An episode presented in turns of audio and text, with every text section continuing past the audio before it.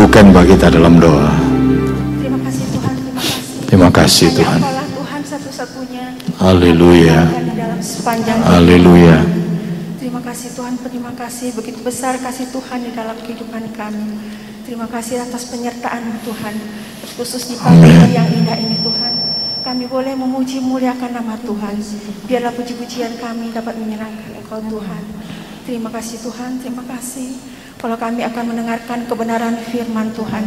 Berkati setiap kami Tuhan, urapi setiap kami. Sehingga kami mengerti apa yang kau kendaki di dalam kehidupan Amin. kami. Mohon berkatmu dan hikmatmu bagi hambamu yang akan membawakan kebenaran firman Tuhan. Urapi sehingga apa yang disampaikan Tuhan semuanya berasal dari engkau dan menjadi berkat bagi kami yang mendengarkan. Haleluya. Ada di sini maupun di rumah. Terima kasih Bapak di surga. Kami serahkan pelayanan firman Tuhan pagi hari ini. Di dalam nama Tuhan kami Yesus Kristus. Haleluya. Amin. Amin. Puji Tuhan. Silakan duduk. Selamat pagi. Selamat kita boleh kembali bertemu dalam kasih Tuhan Kristus. Bapak Ibu sudah diberkati? Amin. Allah yang kita sembah adalah Allah yang ajaib, yang luar biasa, yang boleh menolong kita semua. Puji Tuhan di tengah-tengah kita ada hamba Tuhan Bapak Pendeta Ignatius Yeremia. Beliau gembala di GPD Kendal. Beliau adalah salah satu sesepuh gereja kita di Jawa Tengah. Puji Tuhan ya, bersama-sama dengan kita untuk memberkati kita pada pagi yang indah ini. Mari kita sama-sama nikmati uh, firman Tuhan dan biarlah firman Tuhan boleh memberkati kita semua. Waktu dan tempat saya persilahkan Om. Puji Tuhan, selamat pagi. Tuhan memberkati kita sekalian. Saya terima kasih kepada Bapak Gembala yang sudah memberikan kesempatan, waktu, tempat ini untuk saya membagikan firman Tuhan dan juga membagikan kesaksian saya. Saudaraku, eh, ketika saya meninggalkan usia 70 memasuki 71, 72, 73 selama tiga, bertu, eh, tiga tahun berturut-turut itu saya dihadapkan dengan satu pergumulan. Pada tahun eh, 71 saya mendapat tugas pelayanan di Sulawesi Utara penginjilan selama lebih kurang tiga bulan. Jadi saya harus menyusuri dari Sulawesi Utara, Sulawesi Tengah, dan Sulawesi Selatan untuk tiga bulan. Dan itu sudah diatur begitu rupa, sehari ada yang dua kali, ada yang tiga kali, minimal satu kali. Saudaraku, dan baru di Sulawesi Utara berjalan kurang lebih tiga minggu, 21 hari, tiba-tiba saya mengalami sesuatu. Kaki saya yang sebelah kiri kok ada sesuatu yang lain begitu. Saudara, pada akhir tahun 70, Natal itu saya dapat hadiah Natal dari kaum muda, sebuah sepatu karena tiap pagi saya biasa olahraga jalan kaki. Ya, muteri stadion 10 kali. Satu kali putaran itu 1000 meter. Jadi 10 kali berarti 10.000 meter atau 10 kilometer. Itu tiap hari. Dari hari Senin sampai hari Jumat. Saudara dan dengan itu saya boleh menjaga kondisi.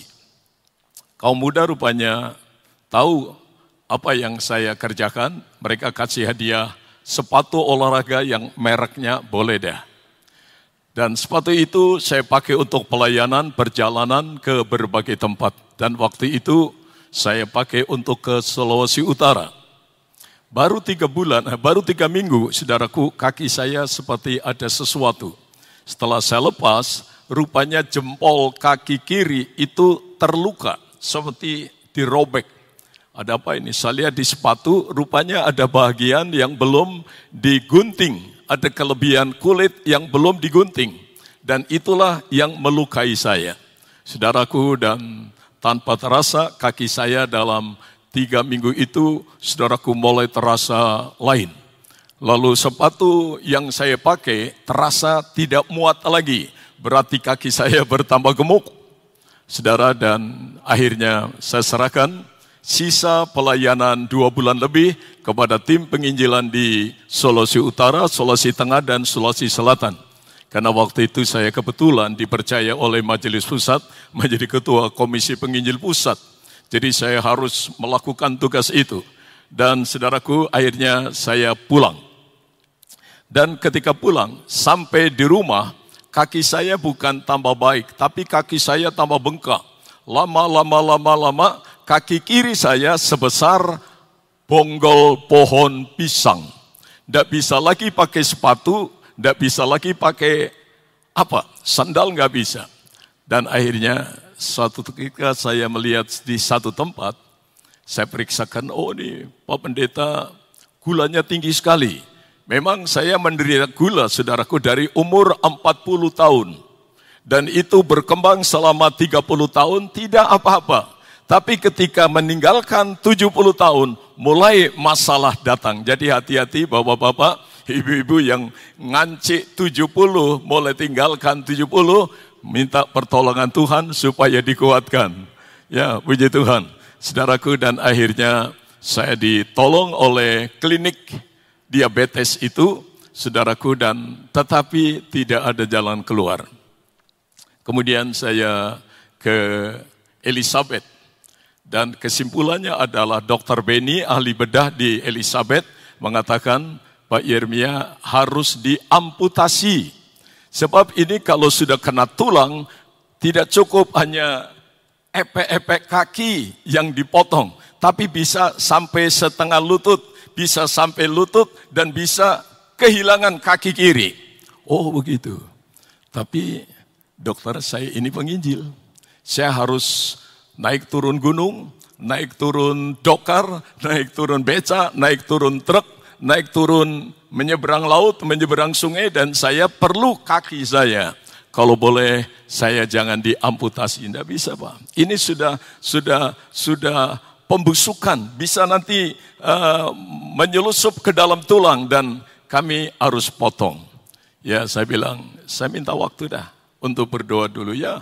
Diberi waktu 10 hari. Saya pulang, sembahyang, Tuhan kalau boleh jangan dipotong. Saya perlu kaki ini untuk pergi memberitakan kabar baik, saudaraku. Dan setelah 10 hari, tidak ada perubahan apa-apa. Saya kembali lagi ke Elizabeth, lalu dibilang, bagaimana keputusannya Pak Yeremia? Ya, saya ambil keputusan untuk tidak dipotong. Ini harus. Antara saya dengan Dr. Benny terjadi dialog dan saya kukuh pada pendirian saya. Saya tidak mau dipotong. Saya akan berharap mujizat. Nah puji Tuhan. Akhirnya dokter bedah menyerahkan tugas ini kepada dokter penyakit dalam.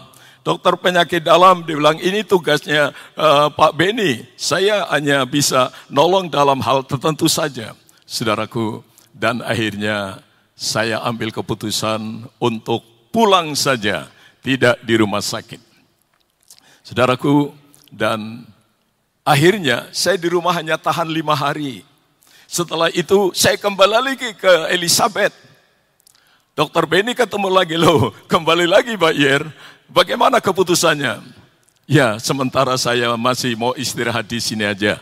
Tolonglah dokter kasih apa yang menjadi kemampuan dokter kepada saya dan saya juga punya kemampuan untuk berdoa kepada Tuhan. Tolonglah ora et labora. Saya berdoa, dokter punya usaha bagaimana. Tapi saya minta jangan dipotong. Waduh, dokter Benediktus waduh kami tidak bisa bayar. Solusi satu-satunya dipotong. Nah, saudaraku, anak saya laki-laki, dia masukkan ke Facebooknya uh, apa yang direncanakan oleh dokter untuk saya. Bahwa saya punya kaki harus diamputasi. Dan di Facebook itu langsung dibaca seluruh Indonesia. Anggota penginjilan kami ada 416 penginjil, pendeta dari berbagai lapisan, dari bawah sampai di atas. Dan begitu mereka dengar saya harus diamputasi, saya bersyukur Tuhan terima kasih. Mereka berdoa buat saya. 416 penginjil berdoa nyatakan mujizat. Dan saya juga berterima kasih buat hamba-hamba Tuhan di Jawa Tengah. Semuanya mendoakan saya. Saya bersyukur kepada Tuhan. Nah saudaraku, dan ketika berita itu dibaca oleh teman saya dari Probolinggo, pendeta Ayeng. Dia seorang pengusaha dan dia juga seorang penginjil. Begitu membaca, saya akan diamputasi, langsung lari dia. Karena dia bukan saja sahabat, tapi dia lebih daripada sahabat menjadi saudara saya. Dia berangkat jam 3 pagi, terus lari ke Semarang, sampai di Semarang jam setengah tujuh. Tiga jam setengah Probolinggo Semarang, kebut. Supaya bisa mengejar saya, supaya jangan diamputasi. Nah saudaraku, dan kemudian masuk ke ruangan saya, dan dia kemudian, ayo kita berdoa. Pak Ir, jangan diamputasi. Ada mujizat, kuasa Allah masih ada. Lalu kami menyanyi. Dan di ruangan saya ada kurang lebih tiga atau empat dokter menunggu saya, diskusi dengan saya. Dan ketika kami berdoa, oh saudaraku, saya rasa hadirat Tuhan turun. Urapan turun, saya hancur hati. Saya nangis Tuhan, kemurahanmu. Dan dokter-dokter itu adalah dokter Katolik semuanya. Mereka melihat, oh orang Pantai Costa, pendeta Pantai Costa kalau doa begitu ya. Dan mereka sendiri rasakan hadirat Tuhan. Mereka ikut nangis karena hadirat Tuhan hadir. Saudaraku, hanya lima menit. Setelah itu Ayeng bilang sama saya, Bayer, saya tunggu berita positif, saya pulang kembali pulang. Dia sampai di Probolinggo jam 9 pagi. Dia bilang, saya sudah sampai di rumah Pak Yer. Hanya lima menit di Elizabeth. Membuang waktu enam jam setengah untuk mendoakan saya. Alkitab berkata, seorang sahabat yang baik itu lebih daripada seorang saudara. Saya terima kasih, tapi sayang uh, teman saya ini sudah berangkat duluan. Dia ya dijemput oleh Tuan COVID. Dia berangkat dulu aja, nggak apa-apa sudah. Dan akhirnya, saudaraku, saya ambil keputusan untuk pulang. Saya tahu obatnya hanya itu-itu aja. Tidak ada cara lain, hanya jenisnya ini, jenisnya ini, sampai apal saya, saudaraku. Dan dari tahun 71, saya bergumul sampai tahun pertengahan 72 Haleluya. Saudaraku dan ketika memasuki tahun 72, saya menyeru kepada Tuhan, Tuhan nyatakan dirimu bahwa engkau adalah menyertaiku. Engkau berjanji menyertaiku. Dalam keadaan apa pun engkau tidak meninggalkan aku. Saudaraku, dan suatu ketika, suatu pagi, saya itu pastori saya kosong, tidak ada orang. Anak saya si Yedit sama istrinya si Novi juga lagi keluar kota. Dan saya di rumah sendirian. Dan waktu itulah Tuhan berbicara kepada saya. Anakku, apakah engkau mau dijemput oleh kematian? Apakah engkau menjemput kehidupan? Saya dengar langsung suara itu. Saya mau jemput kehidupan Tuhan. Aku belum mau mati sekarang. Tugasku belum selesai. Kalau begitu, ambil kunci mobilmu. Keluar dan hidupkan mobilmu. Jangankan saudaraku pakai sepatu, diangkat aja berat. Kakinya masih seperti gedebok pohon pisang.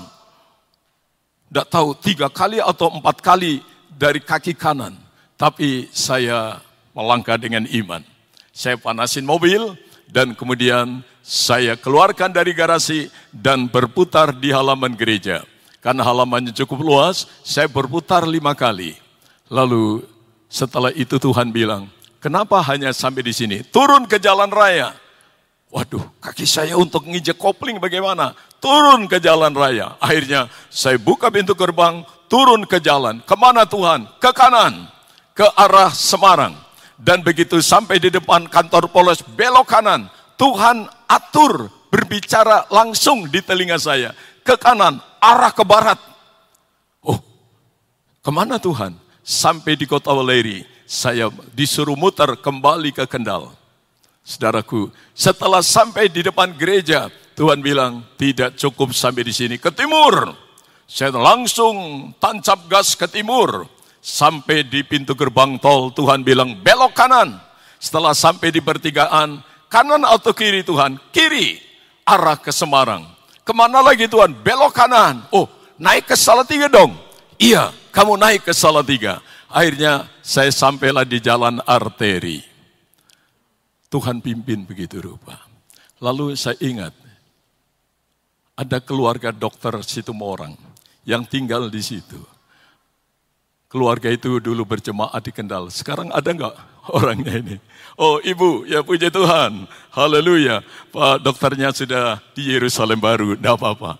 Saudaraku, saya coba naik ke atas. Puji Tuhan. Saya pikir saya mau ketemu, mau ngobrol. Biar keberatan nanti saya jadi enteng. Tapi saya lupa tempatnya. Saya terus naik sampai di Kopeng. Putar lagi, turun dengan harapan bisa lihat rumahnya ibu situ orang. Kelewatan lagi tidak ada. Sampai muter tiga kali, saya lupa sama sekali tempatnya itu. Lalu sampai di jalan arteri, Tuhan bilang turun kembali ke Semarang, pulang ke Kendal. Oh saudaraku, saya keluar jam setengah sepuluh dan jam dua siang baru sampai kembali di Kendal.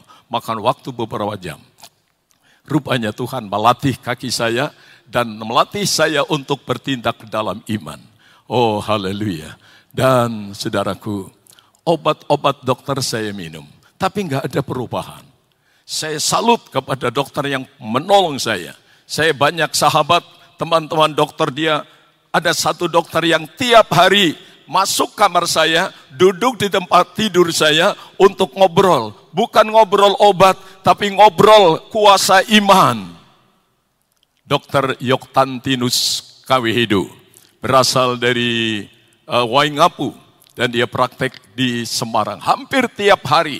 Ya saudaraku kalau enggak siang ya sore dia mesti ke kamar saya. Oh puji Tuhan, dia hanya berdoa, nyatakan mujizat, nyatakan mujizat, nyatakan mujizat.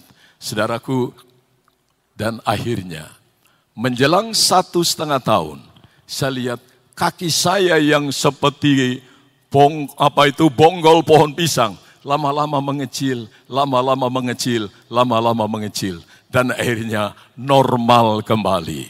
Dan luka habis habis operasi lenyap, rapat, sembuh. Dan sekarang saya pakai sepatu. Haleluya. Dan ketika saya sembuh, ada teman. Dia seorang pengusaha konstruksi.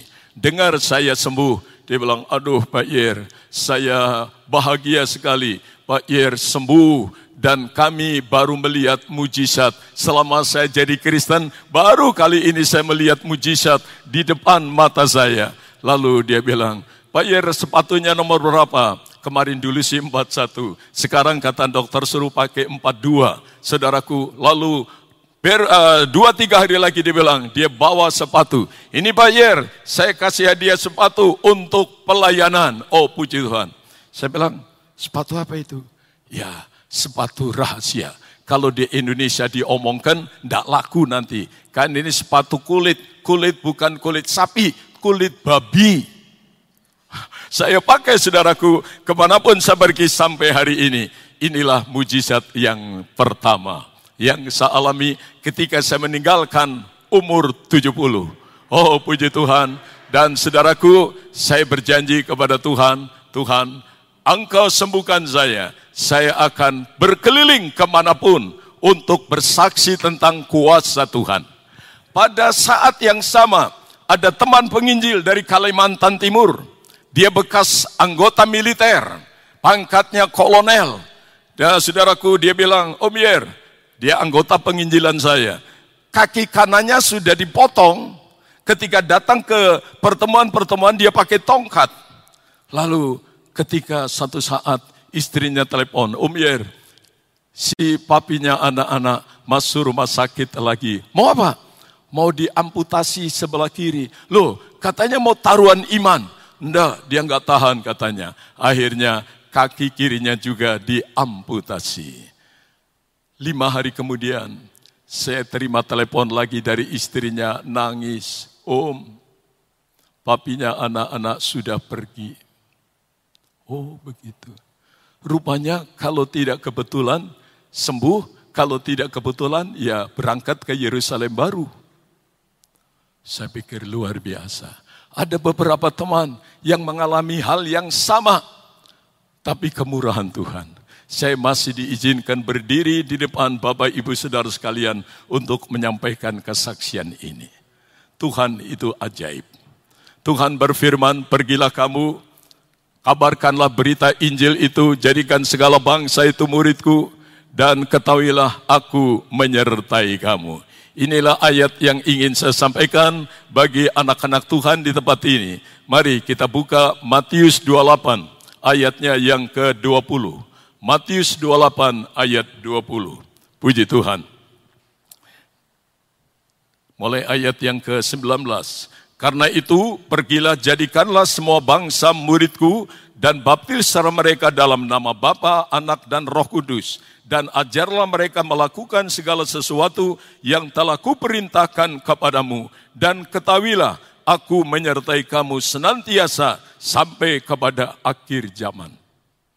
Saudaraku, Tuhan berjanji menyertai.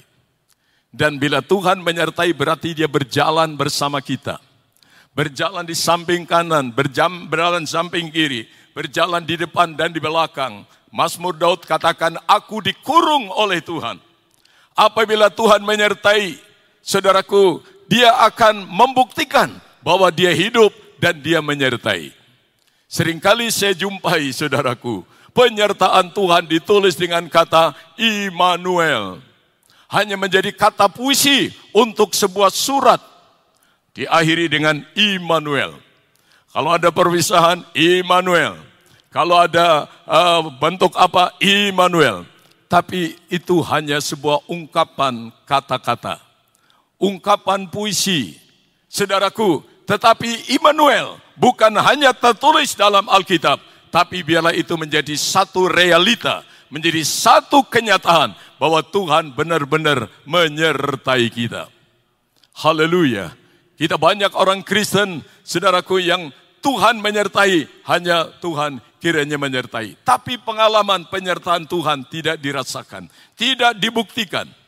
Saya banyak kali mengalami bagaimana Tuhan menyertai dan tidak ada masalah yang tidak bisa selesai. Sakit disembuhkan, susah dihiburkan, yang lemah dikuatkan, yang putus asa melihat pengharapan karena Tuhan menyertai.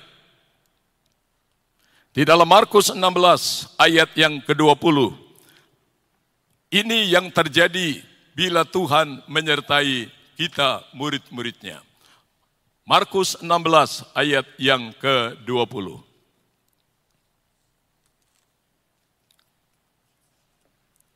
Mereka pun pergilah memberitakan Injil ke segala penjuru dan Tuhan turut bekerja dan meneguhkan firman itu dengan tanda-tanda yang menyertainya. Murid-murid yang diutus pergi ke segala penjuru, pergi. Tapi Tuhan tidak biarkan mereka jalan sendiri. Tuhan turut bekerja menyertai mereka dan meneguhkan pelayanan mereka dengan tanda-tanda ajaib. Orang sakit sembuh, yang lumpuh berjalan, yang buta melihat, yang tuli mendengar, dan banyak mujizat terjadi dalam pelayanan murid-murid karena Tuhan menyertai mereka. Dan Tuhan bukan hanya menyertai, tapi dia turut bekerja dan meneguhkan pelayanan murid-murid dengan tanda-tanda heran, tanda-tanda ajaib. Ini bukan sekedar satu janji kosong, Bapak Ibu. Ini bukan sekedar omong kosong, tapi firman Allah adalah hidup. Dan ini benar-benar saya rasakan sepanjang pelayanan kepada Tuhan dalam penginjilan. Saya dipanggil oleh majelis pusat, terjun dalam penginjilan ketika saya berusia 24 tahun. Sejak itu Bapak Mande panggil saya, Yeremia, kamu di penginjilan. Dan Pak Mande waktu itu bilang, Yeremia, kamu jadi penginjil full saja. Tinggalkan pelayanan yang lain, jadi penginjil.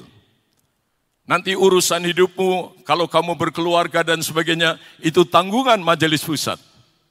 Saya bilang, aduh terima kasih banyak Om. Waktu itu Pak Bande masih sekjen, sekretaris jenderal KBDI. Terima kasih. Sebab ke mana saya pergi selalu ditanya, penggembalaannya di mana? Jadi rupanya GPDI lebih mengunggulkan pelayanan penggembalaan daripada pelayanan yang lain. Saya bilang, ya biarpun kecil-kecil, saya biarlah memegang jemaat untuk pos pelayanan saya, untuk penggembalaan saya. Akhirnya Pak Manu bilang, ya sudah, kalau itu menjadi keputusanmu, tapi kamu jangan meninggalkan pelayanan penginjilan. Sampai hari ini, saya masih ada di ladang penginjilan. Saya berterima kasih kepada Tuhan karena dalam pelayanan itu saya merasakan penyertaan Tuhan. Tuhan menyertai dan Tuhan meneguhkan pelayanan kami dengan tanda-tanda ajaib, tanda heran, mujizat. Jadi saudaraku, penyertaan Tuhan itulah yang membuat orang percaya, membuat murid-murid, membuat hamba-hamba Tuhan, membuat banyak orang Kristen yang disertai Tuhan. Mereka boleh melihat langsung bahwa Tuhan hadir menyertai. Dan bila Tuhan hadir menyertai, dia akan nyatakan kuasanya yang luar biasa. Kita akan melihat dua contoh saja dari orang yang disertai Tuhan. Pertama kita buka dalam kejadian 39. Kejadian 39. Saudaraku kita baca tentang Yusuf. Dia berhasil karena Tuhan menyertai dia. Kejadian 39 ayatnya yang kedua.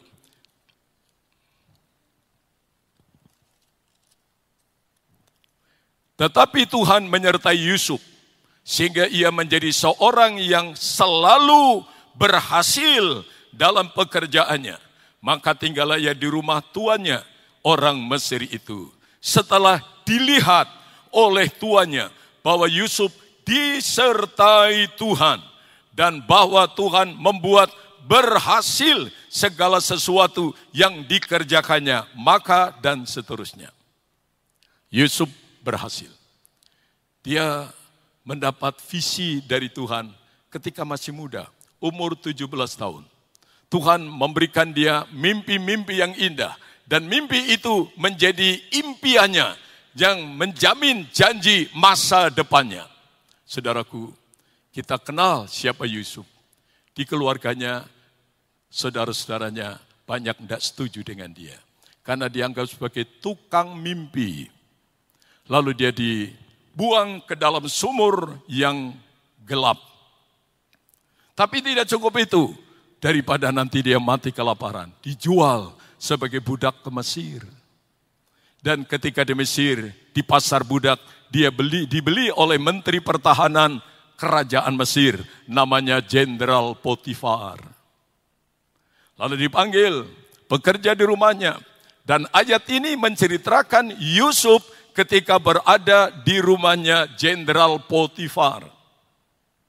Tetapi Tuhan menyertai Yusuf sehingga ia menjadi seorang yang selalu selalu berhasil dalam pekerjaannya.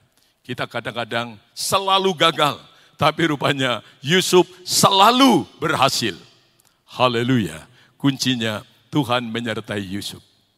Ayat yang berikutnya, ayat 3, setelah dilihat oleh tuannya bahwa Yusuf disertai Tuhan, bahwa Tuhan membuat berhasil segala sesuatu yang dikerjakannya. Orang yang disertai Tuhan bukan tersembunyi orang yang disertai Tuhan bisa terlihat kasat mata bahwa Tuhan menyertai orang itu. Tuhan menyertai ibu itu. Tuhan menyertai bapak itu. Tuhan menyertai pendeta itu. Tuhan menyertai penginjil itu. Kelihatan kasat mata. Jadi pernyataan Tuhan, penyertaan Tuhan saudaraku bukan sebuah ucapan kosong. Tapi bisa dilihat oleh orang lain. Potifar melihat Yusuf disertai Tuhan. Dengan mengerjakan segala sesuatu berhasil dengan baik. Kunci keberhasilan adalah penyertaan Tuhan. Dan bila Tuhan menyertai kita, orang akan melihat, oh, dia disertai Tuhan. Itu sebabnya banyak hamba Tuhan yang disertai Tuhan, dia dikerubuti orang didatangi orang dari segala penjuru. Tidak ada pintu yang tertutup, pintu terbuka untuk dia. Dari kota ke desa-desa gunung lembah, di pulau-pulau, saudaraku, terbuka untuk hamba Tuhan itu. Karena dia datang bersama Tuhan, dan kalau datang bersama Tuhan, semuanya diberesin oleh Tuhan. Puji Tuhan. Jadi kita perlu penyertaan Tuhan, saudara. Dunia ini tambah hendak karuan. Ya, COVID baru hilang, baru mereda. Ya, akhirnya masyarakat Indonesia diharuskan pakai pakai lot. Lot artinya penudung. Kita pakai itu. Saya ada di mobil tapi lupa saya pakai. Sehingga ya sudah begini aja. Saudaraku, penyertaan Tuhan menyertai Yusuf dan Yusuf berhasil. Kalau ada anak-anak muda baru 17 tahun seperti Yusuf, 18, 20 atau 22, 23, kalau engkau disertai Tuhan, engkau akan berhasil dalam pendidikanmu. Engkau akan berhasil dalam pelayananmu di dalam Alkitab katakan rahasia untuk berhasil adalah hikmat. Kalau Tuhan menyertai kita, dia berikan hikmat. Saya ketemu dengan banyak orang muda yang mereka kemudian diberikan hikmat kepada Tuhan. Latar belakangnya bayar kuliah saja. Tidak bisa. Bayar sekolah aja telat-telat. Tetapi dia disertai Tuhan. Semuanya diatasi oleh Tuhan. Dan dia lulus dengan predikat cum laude. Telat-telat, telat sehari, telat dua hari, dia disertai Tuhan. Oh, oh saudaraku, IP-nya tinggi, nilainya tinggi. Walaupun dia telat-telat, akhirnya sekolah menghargai dia dengan lulus secara cum laude. Haleluya. Di Kendal pernah ada kepala penjara di sana. Putranya tamatan Erlangga, Surabaya. Dia ngambil bidang teknik. Dan suatu ketika Departemen PU, saudaraku, membutuhkan hanya satu orang untuk tugas tertentu di Departemen PU. Lalu putranya Pak Kepala Penjara ini datang ke pastori dengan bapak ibunya, Om tolong doakan, saya mau ngikuti tes supaya saya bisa masuk di Departemen PU. Dibutuhkan satu orang. Lalu tesnya bukan di Jakarta, di Ambon.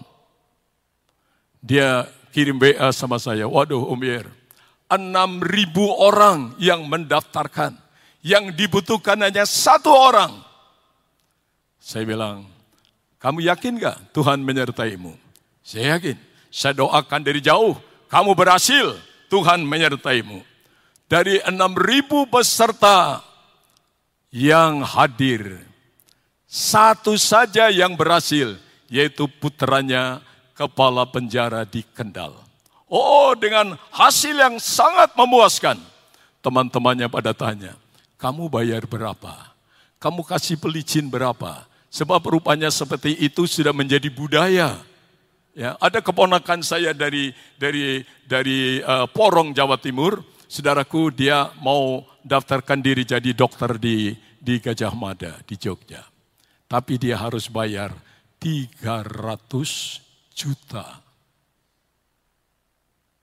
Dia punya uang, akhirnya pulang. Dan akhirnya dia masuk di Bali dan dia berhasil. Dia menjadi Tuhan menyertai, tidak membiarkan anak-anaknya, hamba-hambanya, jemaatnya dalam kesulitan. Kalau Tuhan menyertai, Tuhan akan teguhkan dengan tanda ajaib mujizat. Saudaraku, inilah Yusuf. Dia selalu berhasil dan penyertaan Tuhan itu bisa dilihat oleh Jenderal Potifar.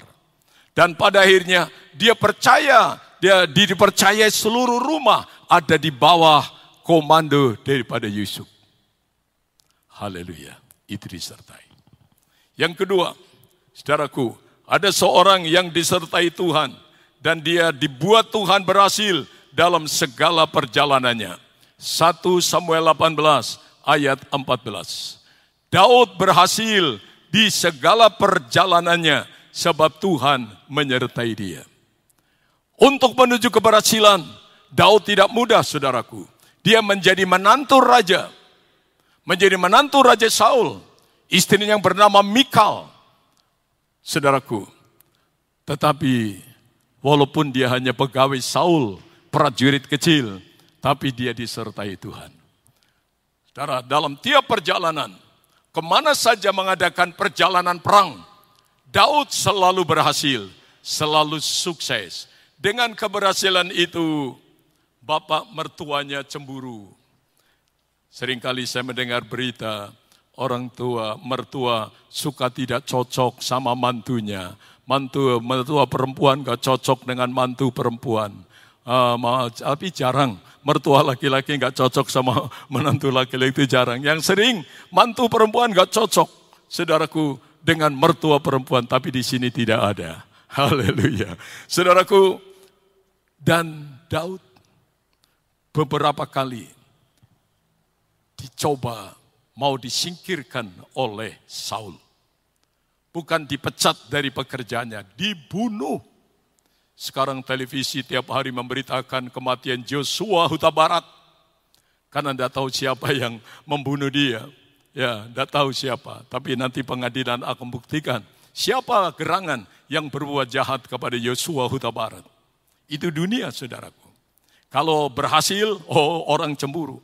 Kalau berhasil, orang gak enak. Kalau berhasil, orang tidak bisa terima. Kalau Pak Agus berhasil di sini, kemudian gereja ini dirubah menjadi isi lima ribu, menjadi isi sepuluh ribu, aduh, tanah ini dihabisin. Orang pasti akan mulai bicara. Banyak penginjil-penginjil, pendeta-pendeta yang berhasil. Haleluya. Saya kenal baik dengan Pak Pariaji dari gereja Tiberias. Pada waktu dia meninggal, banyak pendeta-pendeta yang punya omongan tidak enak. Itulah orang yang berhasil. Dicemburuin, dicurigain, dan sebagainya. Daud, saudaraku, mengalami hal itu dari mertuanya sendiri. Tetapi Tuhan membela Daud. Dia disertai sehingga berhasil dalam tiap perjalanannya. Ketika dia mau diangkat menggantikan Saul, saudaraku, dia pernah diurapi satu kali di Bethlehem oleh Nabi Samuel. Diurapi jadi raja. Dan ketika Raja Saul bunuh diri, Tuhan angkat Daud. Dan ketika dia akan bertugas menjadi raja, dia diurapi sekali lagi oleh imam-imam, orang-orang Yahuda, melantik dia menjadi raja di suku Yahuda dan akhirnya menjadi raja di Israel. Oh puji Tuhan. Saudaraku, kalau Tuhan menyertai, dia meneguhkan kita dengan kuasa, meneguhkan kita dengan tanda ajaib, meneguhkan kita dengan mujizat. Haleluya. Daud berhasil. Dan akhirnya kita kenal siapa Daud. Jadi raja yang besar, raja kedua yang berasal dari suku Yahuda. Dia menjadi raja yang berhasil dari kerajaan Israel. Ini Daud. Saudaraku, sekarang kita akan bertanya, bagaimana cara supaya Tuhan menyertai kita? Apakah kita berkata, Tuhan sertai aku, Tuhan sertai aku. Doa bagus, dan itu harus. Berpuasa bagus, dan itu harus. Ada satu kuncinya kita buka dalam Injil Yohanes 8. Ini rahasia Tuhan menyertai dan memberikan keberhasilan kepada kita. Yohanes pasal 8. Yohanes 8 ayat yang ke-26.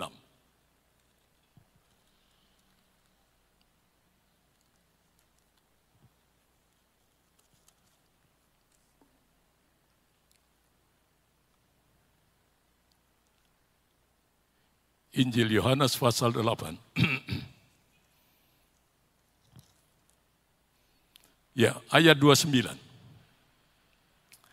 Dan ia yang telah mengutus aku, ia menyertai aku. Ia tidak membiarkan aku sendiri, sebab aku senantiasa berbuat apa yang berkenan kepadanya. Ini kesaksian Yesus, putra Allah yang tunggal Selama pelayanannya di dunia, Yesus berhasil. Mati di salib, bangkit dari antara orang mati, dan dia hidup dalam kemuliaan. Saudaraku, Yesus seorang yang disertai oleh Bapaknya. Mengapa? Dia kasih tahu begini, ia yang telah mengutus aku, ia menyertai aku. Ia tidak membiarkan aku sendiri, sebab aku senantiasa berbuat apa yang berkenan kepadanya. Rahasia penyertaan Tuhan adalah mari kita berbuat apa yang berkenan di hadapan Tuhan. Apa yang berkenan di hadapan Tuhan. Hal dosa kejahatan, buang. Mari kita melakukan yang benar di hadapan Allah. Bila kita disertai Tuhan, Tuhan menjamin keberhasilan dalam hidup kita. Apa pun profesi kita, apa kita pelayan Tuhan, apa kita sebagai apa, pengusaha, sebagai apa saja, Tuhan akan menyertai. Dan dia membuktikan penyertaannya. Memberikan keberhasilan dalam hidup kita. Oh haleluya, haleluya. Saya bersyukur kepada Tuhan kalau diizinkan Tuhan melayani dia sampai hari ini. Satu hal yang menjadi keputusan saya, apa pun yang terjadi, saya mau melakukan, mengerjakan apa yang berkenan di hadapan Tuhan. Saya mohon Tuhan menyertaiku. Yang saya saksikan tadi adalah yang pertama. Tuhan menyertaiku sehingga kakiku utuh tidak jadi diamputasi.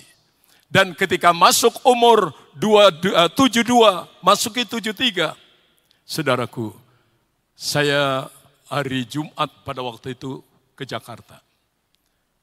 Saya pilih naik kereta saja sambil santai.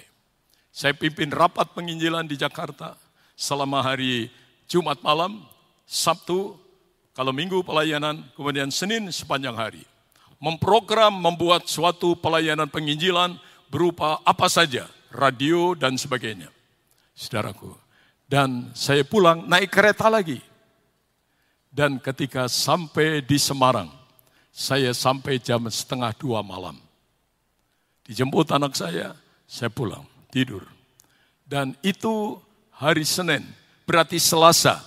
Nah, Selasa sampai Sabtu saya pelayanan di tengah-tengah jemaat dan pada hari Minggu melayani seperti ini. Tiba-tiba setelah pelayanan saya masih di mimbar, kepala saya pusing luar biasa. Itu gereja berputar, lalu saya pegangan bangku panggangan mimbar untuk turun dan saya geletak di bangku. Haleluya. Beberapa jemaat tungguin saya. Dan akhirnya sampai jam 12 saya bilang, tolong antar saya ke Semarang, ketemu teman dokter. Teman dokter nggak ada apa-apa bayar. Nggak apa-apa, ini demam biasa. Oh saudaraku. Dan akhirnya anak saya panggil tim gugus tugas. Rupanya datang di pastori dengan membawa ambulans dan tim ini pakai pakaian astronaut anti covid. Saudara saya dibawa ke rumah sakit. Diisolasi setengah bulan. Haleluya. Dan diobservasi. Dokter bilang, Pak Pendeta, rupanya tidak ada apa-apa. Saudaraku, selama setengah bulan pertama, saya masuk di rumah sakit dengan berat badan saya 75 kilo. Setengah bulan saya diisolasi. Saya tidak bisa makan makanan rumah sakit. Aromanya aja sudah bikin anu. Kalau saudaraku, lalu akhirnya berat badan saya dari 75 anjlok menjadi 59. Berarti hilang 16 kilo. Waduh, pakaian saya kedodoran semuanya. Lalu dokter bilang, Pak Yer bisa pulang, tidak ada apa-apa. Oh puji Tuhan. Lalu itu virusnya di mana? Tidak tahu. Kami teliti, kami periksa, kami segala, tapi nggak menemukan. Tetapi anak saya terlalu yakin bahwa saya kena COVID. Akhirnya setelah tiga hari di rumah, saya dibawa ke Semarang. Muter ke Elizabeth, Panti Wilasa, ke Kolombia, dan beberapa tempat. Semuanya tutup, penuh dengan orang yang sakit corona. Dan akhirnya saya dibawa ke rumah sakit perbatasan Semarang Kendal, yaitu di Tugurjo. Saya masuk di situ, terpaksa nunggu di ruang tunggu depan sehari semalam. Kena angin, kena debu. Dan akhirnya ada dokter wanita, istri hamba Tuhan, Lalu, oh Om Yer, kenapa dari kemarin tidak kasih tahu saya? Saya tidak tahu kamu di mana. Akhirnya diupayakan masuk kelas satu. Sat, uh, setengah bulan lagi, diisolasi. Dan pada waktu itu, selama setengah bulan kedua, saya tidak bisa makan, tidak bisa tidur. Tiap sore kalau mau merem, mau tidur, Tiba-tiba saya melihat ada ratusan tangan hitam berbulu lebat, kukunya panjang. Dia berteriak-teriak mau mencengkeram saya. Lalu saya berdoa, Tuhan ini apa ini? Saya berdoa belum ada jawaban. Setelah 10 hari baru ada jawaban Tuhan. Anakku, itu adalah cakar-cakar maut yang akan membinasakan kamu. Tapi kamu jangan takut. Aku menyertaimu, aku menjagamu, aku melindungimu. Dengar suara Tuhan dengan jelas. Saudaraku, setelah itu dokter datang lagi. Tidak bisa bikin apa-apa. Malahan badan saya tambah habis. Dan akhirnya hari ke-15 dokter bilang, sudah kami teliti Pak Yer, Anda tidak ada apa-apa. Tapi kok begini dokter? Ya mungkin, mungkin saja. Saudaraku, tapi saya difonis kena COVID. Tuhan hadapkan saya dengan cakar-cakar maut. Dan setelah Tuhan berkata, aku menjagamu, aku menyertaimu, aku melindungimu. Sejak Tuhan bicara begitu, lalu saya baru bisa tidur. Satu bulan, hampir tidak bisa tidur. Habis sekarang baru 66. Bagus. Mengembalikan menjadi 70 perjuangan. Saya ingin, waduh, ya sudah, apa boleh buat. Teman-teman, sudah cukup gitu aja Pak Yer. Sebab lagi nanti Tuhan Yesus akan datang dan akan datang masa rapture, pengangkatan supaya malaikat tidak kabutan ngangkat Pak Yer. Jadi jangan gemuk-gemuk. oh puji Tuhan, saudaraku. Dan akhirnya saya ada sampai hari ini usia 70 saya tinggalkan. Dan mujizat terjadi. Yang terakhir saudaraku, umur 73, Natal kemarin, saya undang Pak Panjaitan khotbah di tempat saya. Pada waktu itu belum apa-apa, tanggal 13 Desember. Pak Panjaitan khotbah saya bisa melihat terang. Tapi begitu 13 Desember lewat, terus mata saya mulai kabur, mata saya mulai kabur. Terus-terus hampir tidak bisa melihat. Akhirnya saya ke dokter. Waduh, kataraknya memenuhi matanya Pak Yeremia. Gimana? Harus dioperasi. Waduh, pikiran saya kalau operasi mata nanti matanya dicungkil, dikerok dan sebagainya. Saya pikir begitu, saudaraku. Akhirnya saya dioperasi, saudaraku. Dan operasinya tidak sampai tiga menit ser hilang, ser hilang. Dua mata kiri kanan hanya dalam satu minggu dua kali operasi. Saya tidak pakai kacamata bisa. Baca Alkitab tanpa kacamata bisa. Saudaraku, tapi dokter pakai aja kacamata untuk melindungi mata supaya tidak ada nyamuk mampir di situ. Haleluya. Saudaraku, itu pengalaman saya. 71, 72, 73 saya dihadapkan dengan pergumulan yang berat. Dan saya berjanji, Tuhan sembuh, saya akan pergi ke mana saja. Sekarang, satu dalam satu bulan, dua minggu, dua kali saya pergi ke segala tempat. Kota besar, kota kecil, desa-desa, gunung lembah untuk menceritakan mujizat bahwa Tuhan itu menyertai. Jadi Bapak Ibu di Salatiga, Undang Tuhan supaya menyertai hidupmu. Haleluya. Sebentar saya tinggalkan 73, saya masuki 74. Saya pikir Tuhan berapa lama lagi saya akan melayani. Udah pokoknya kerja saja. Saya disuruh kerja saja. Oh saudaraku, panggilan hidup saya satu tahun. Dalam satu tahun minimal satu desa harus saya buka GPDI. Itu panggilan saya. Bila mungkin dua gereja, bila mungkin tiga gereja dalam satu tahun saya buka. Haleluya. Orang bilang, Pak Ir, sudah 70, sudah sudah kelebihan. Jangan terlalu capek lagi. Jangan terlalu capek lagi. Oh justru, kalau orang lomba lari mendekati garis finish harus santai. Amin. Kalau lomba lari, siapa di sini guru olahraga? Siapa di sini uh, mahasiswa olahraga? Kalau mendekati garis finish, jalannya lebih santai bukan? Tidak. Mendekati garis finish, kita harus tingkatkan, lipatkan tenaga kita untuk mencapai garis finish. Ya, Tuhan bilang 70. Saya dapat bonus. Saya tidak tahu berapa bonusnya untuk saya kepada Tuhan. Haleluya.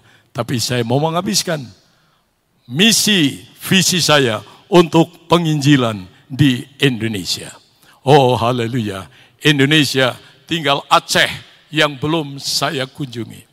Waktu saya mau ke Aceh, terjadi tsunami yang besar. Dan saya akhirnya tidak pergi sampai hari ini. Puji Tuhan. Kalau saya penginjilan ke daerah-daerah, saya mesti minta nomor Kapolda setempat kepada komandan komandan uh, kepada Kapolres saya, Pak. Kalau apa itu Pangdam di uh, Kapolda di sana siapa namanya? Ini bisa tolong nomor HP-nya dikasih. Oh, waktu saya mau ke Ambon, saya telepon Pak Kapolda Semodal. Aduh Pak Yer, jangan dulu. Ini masih ruwet pada waktu itu. Setelah aman. Saya ditelepon. Sekarang Pak Pendeta silakan datang. Begitu turun di bandara sudah dijemput mobil polisi. Sudah dijemput anggota-anggota polisi mengawal saya menuju gereja Pendeta Henry Lolain. Dan saya menginjil ditemani oleh dua tiga orang polisi. Mereka bukan orang percaya. Dalam penginjilan saya, saya selalu kerjasama dengan Kapolda, dengan Pangdam, dan mereka adalah sahabat-sahabat saya. Dan mereka tolong saya, bantu saya, menyertai saya. Dan saya tahu itu diutus oleh Tuhan. Temani dia, jaga dia, sertai dia. Dan itu terjadi sampai hari ini. Itu sebabnya, mari saudaraku, tidak ada hidup seindah disertai Tuhan. Bila Tuhan menyertai kita, tidak ada masalah yang tidak bisa selesai. Tidak ada penyakit yang tidak bisa disembuhkan. Tuhan akan memberkati kita. Haleluya. Terima kasih Pak Agus. Waktu saya kembalikan. Iya, puji Tuhan ya. Satu firman dan kesaksian yang luar biasa yang boleh menguatkan kita bahwa Allah yang kita sembah adalah Allah yang dahsyat, Allah yang luar biasa. Karena itu jangan takut ya.